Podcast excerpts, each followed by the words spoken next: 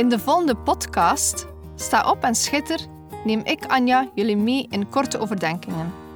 Als christenvrouw, moeder en echtgenote wil ik bemoedigen en aansporen om op te staan en te schitteren. We zijn niet gemaakt om in Gods koninkrijk stil te zitten en niets te doen, maar om op te staan en dienstbaar te zijn.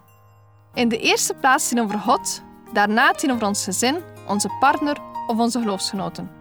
En als gevolg zullen we dan ook schitteren in de wereld. Neem je Bijbel bij de hand, want zonder Bijbel zijn we als een kok zonder eten of een zanger zonder stem. Dus luister naar, sta op en schitter.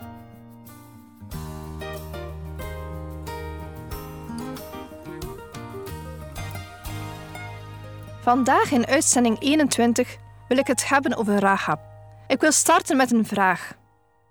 Als je denkt aan Rahab uit de Bijbel, wat is dan het eerste wat in je opkomt?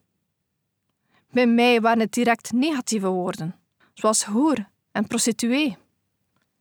Ik vergeet eigenlijk snel dat ze meer is dan dat. Ze is de eerste vrouw die we in de profetische boeken tegenkomen. Ze wordt niet zomaar genoemd. Ze staat erin als les voor ons. Ik hou van fotografie. En als ik een foto neem, kies ik zelf welk onderwerp ik scherp stel. Zo is het ook met dit verhaal. Ik kan scherp stellen op het woordje hoer, of ik kan scherp stellen op wat ze gedaan heeft. Ze is dus veel meer dan die hoer. Jaren geleden waren we op een christelijke camping in Luxemburg. Er was een vrouwensamenkomst en we moesten onszelf voorstellen. Iedereen stelde zichzelf spontaan voor met naam, woonplaats, aantal kinderen en sommigen vertelden hun beroep of hobby's. Toen het aan de beurt was van de spreekster, zei ze: Ik ben een nieuwe schepping, geroepen door God en als laatste haar naam. Iedereen die daar zat, werd geconfronteerd met hoe we naar onszelf kijken. Je kan in twee perspectieven naar jezelf kijken: vanuit het aardsperspectief of vanuit Gods perspectief. Het bijzondere is dat we zelf kunnen kiezen. Laten we even een kijkje nemen naar het leven van Rahab. Ze wordt in Jozua 2 en 6 beschreven als een Canaanitische vrouw die als prostituee werkt in de stad Jericho. Ze woont daar los van haar familie in haar eigen huis. Dat huis van haar staat dicht tegen de muur van de stad.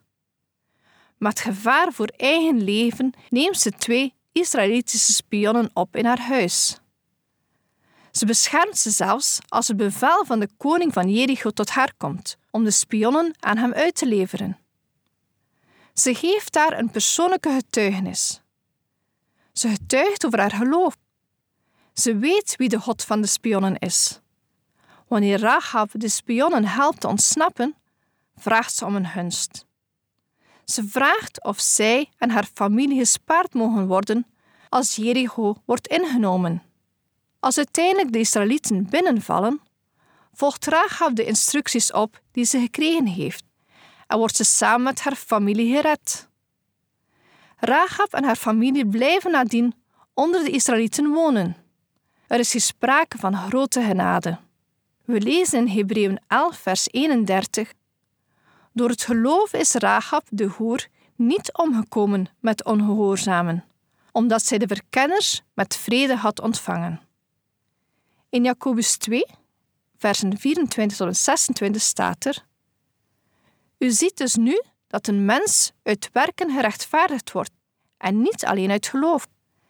En is Rahab de hoer niet op dezelfde manier uit werken gerechtvaardigd toen zij de bodem heeft ontvangen? en langs een andere weg heeft laten weggaan?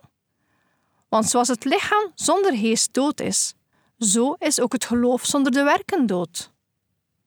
Zowel in Hebreeën als in Jacobus staat er Rahab de hoer.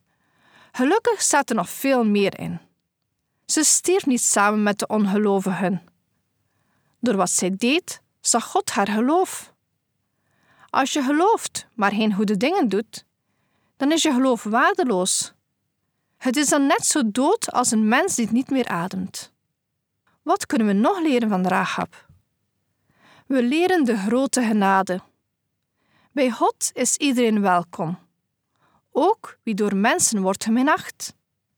Het is een prachtig verhaal, waar je Gods genade in leest. Ik raad jullie van harte aan om het de komende week eens volledig door te lezen. Ik wil je nu ook nog meenemen naar Matthäus 1, vers 1. Het geslachtsregister van Jezus Christus, de zoon van David, de zoon van Abraham. We lezen hier het geslachtsregister van Jezus Christus, zoon van David, zoon van Abraham. En als we nu naar versen 5 en 6 gaan, lezen we: Salmon verwekte Boas bij Rahab. Boas verwekte Obed bij Ruth. Obed verwekte Isai. Isai verwekte David de koning. Hoe fantastisch is dit? Een hoer staat in de stamboom van Jezus.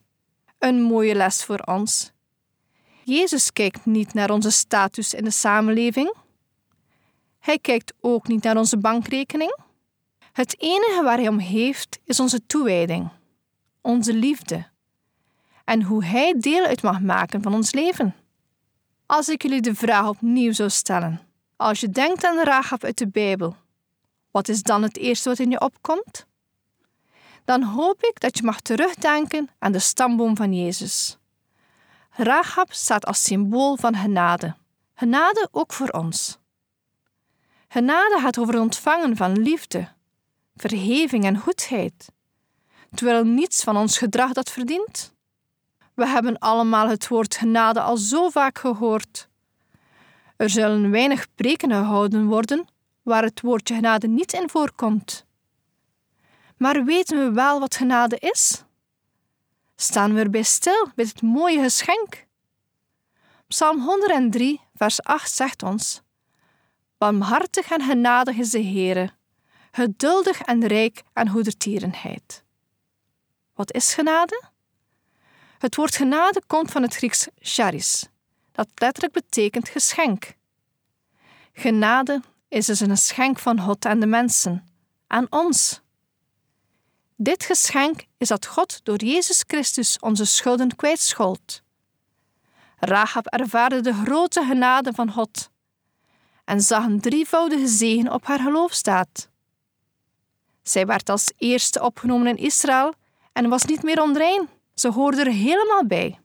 Als tweede zegen werd ze samen met haar familie ook in aardse zin gezegend, doordat deze gered werden. Als derde en mooiste zegen kwamen er kinderen. En niet zomaar kinderen. Ze staan in de stamboom van Jezus.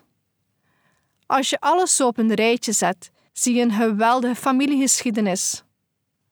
Zelf kom ik niet uit een gelovig gezin, maar ik heb de traditie doorbroken. Ik heb mijn kinderen christelijk opgevoed en ik hoop en bid dat mijn opvolgende generatie dit ook zullen verder zetten. De keuzes die we vandaag maken zijn belangrijk voor de komende generaties. Dit betekent niet dat wij of de generaties na ons het hierdoor gemakkelijk zullen hebben. Vaak gaat het doorbreken van tradities gepaard met pijn. Het kan zelfs zo ver gaan dat je familie misschien buitensluit. Maar de eeuwige beloning is het zeker waard. We kunnen een verschil maken, zoals Rahab. Ze deed een grote stap in geloof door de verkenners te helpen en dit zorgde voor een grote omkeer in haar leven. Net als Rahab, als we eenmaal christen zijn, is ons verleden verheven en is de lei schoongeveegd. Rahab werd niet langer gezien als een onreine prostituee, maar als iemand die door Gods genade waardig was om deel uit te maken van het geslacht van Jezus. Het leven van de Rahab is een inspirerend verhaal voor alle zondaars die door genade gered zijn. Ze werd letterlijk een nieuwe schepping en dit zorgde voor grote en mooie gevolgen in haar leven. Denk in dit opzicht eens aan een lawine. Als je als gelovige niet bereid bent dat kleine steentje in beweging te zetten, dan zal er niets gebeuren. Zet je dat steentje wel in beweging, dan resulteert dat in een lawine, een enorme stortvloed van stenen, gruis of sneeuw. Als je boven staat, waar je dat steentje losmaakt, zie je niet wat het uiteindelijk aanricht. Maar God ziet wat daar beneden gebeurd is. Zo was het ook met Rahab. Zij was in de ogen van de mensen maar een klein steentje. Maar vanuit haar kwam de rots die de Satan zal verpletteren. Staan we er voldoende bij stil dat God mensen gebruikt, ongeacht hun verleden? Laat je overtuigen door het verhaal van Rahab. Ik wil graag nog eens de punten op een rijtje zetten. God gebruikte Rahab om de spionnen te redden, het beloofde land te veroveren, zichzelf en haar familie te redden. Ze was de moeder van Boas, een godvrezende man die op een dag een jonge Moabitische weduwe zou redden en uiteindelijk in het geslachtsregister van Jezus staat. Ik hoop dat u na het horen van dit verhaal zult opstaan en een lichtpunt zult zijn in jouw omgeving. Wij kunnen verandering brengen door gehoorzaamheid. Laat Satan je niets influisteren over je verleden. Heb je Jezus aangenomen, dan ben je een nieuwe schepping en focus je daarop. We ontvangen genade, dus neem het dan ook met beide handen vast en geniet van het leven met God. Laat je gebruiken en wees als dat ene steentje die een lawine veroorzaakt. Een lawine waar de ogen gericht worden op Jezus. God redt degene onder ons met een verleden. God gebruikt degenen onder ons met een verleden. God verandert degenen onder ons met een verleden. Dan wil ik nog afsluiten met een zegende wens uit 2 Petrus 1, vers 2. Genade zij u in vrede, in overvloed, door de kennis van God en van Jezus onze Heer. Deze podcast kun je steeds opnieuw beluisteren via de website en app van twr.be. Als je deze aflevering leuk vond en je wilt de podcast helpen ondersteunen, deel hem dan met anderen. Heb je gebed nodig of wil je reageren op deze uitzending? Zend dan gerust een mailtje naar anja.twr.be. Bedankt voor het luisteren.